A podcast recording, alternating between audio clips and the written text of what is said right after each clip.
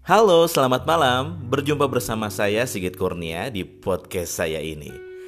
Pernahkah kalian punya pengalaman ketika kalian berkomunikasi dengan teman kalian dengan penuh antusias, tapi kok dibalas dengan datar, tidak bergairah, dan akhirnya kalian berpikir negatif tentang teman kalian?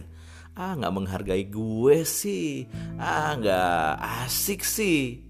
Atau kalian punya pengalaman yang satu ini? Kalian ngomong sesuatu hal, pendapat, pilihan mungkin, tapi akhirnya jadi ribut, jadi rame. Dan kalian berpikir bahwa teman kalian udah gak asik lagi. Nah, inilah lika-liku kita ketika kita berkomunikasi. Dan sebetulnya bukan hal yang aneh loh teman-teman. Tiap orang punya gaya berkomunikasinya macam-macam.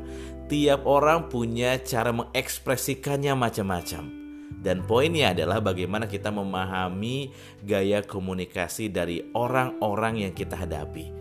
Inilah yang namanya manusia sebagai makhluk sosial. Nah, di podcast saya ini saya akan membahas lika-liku seputar komunikasi dalam kehidupan kita sehari-hari.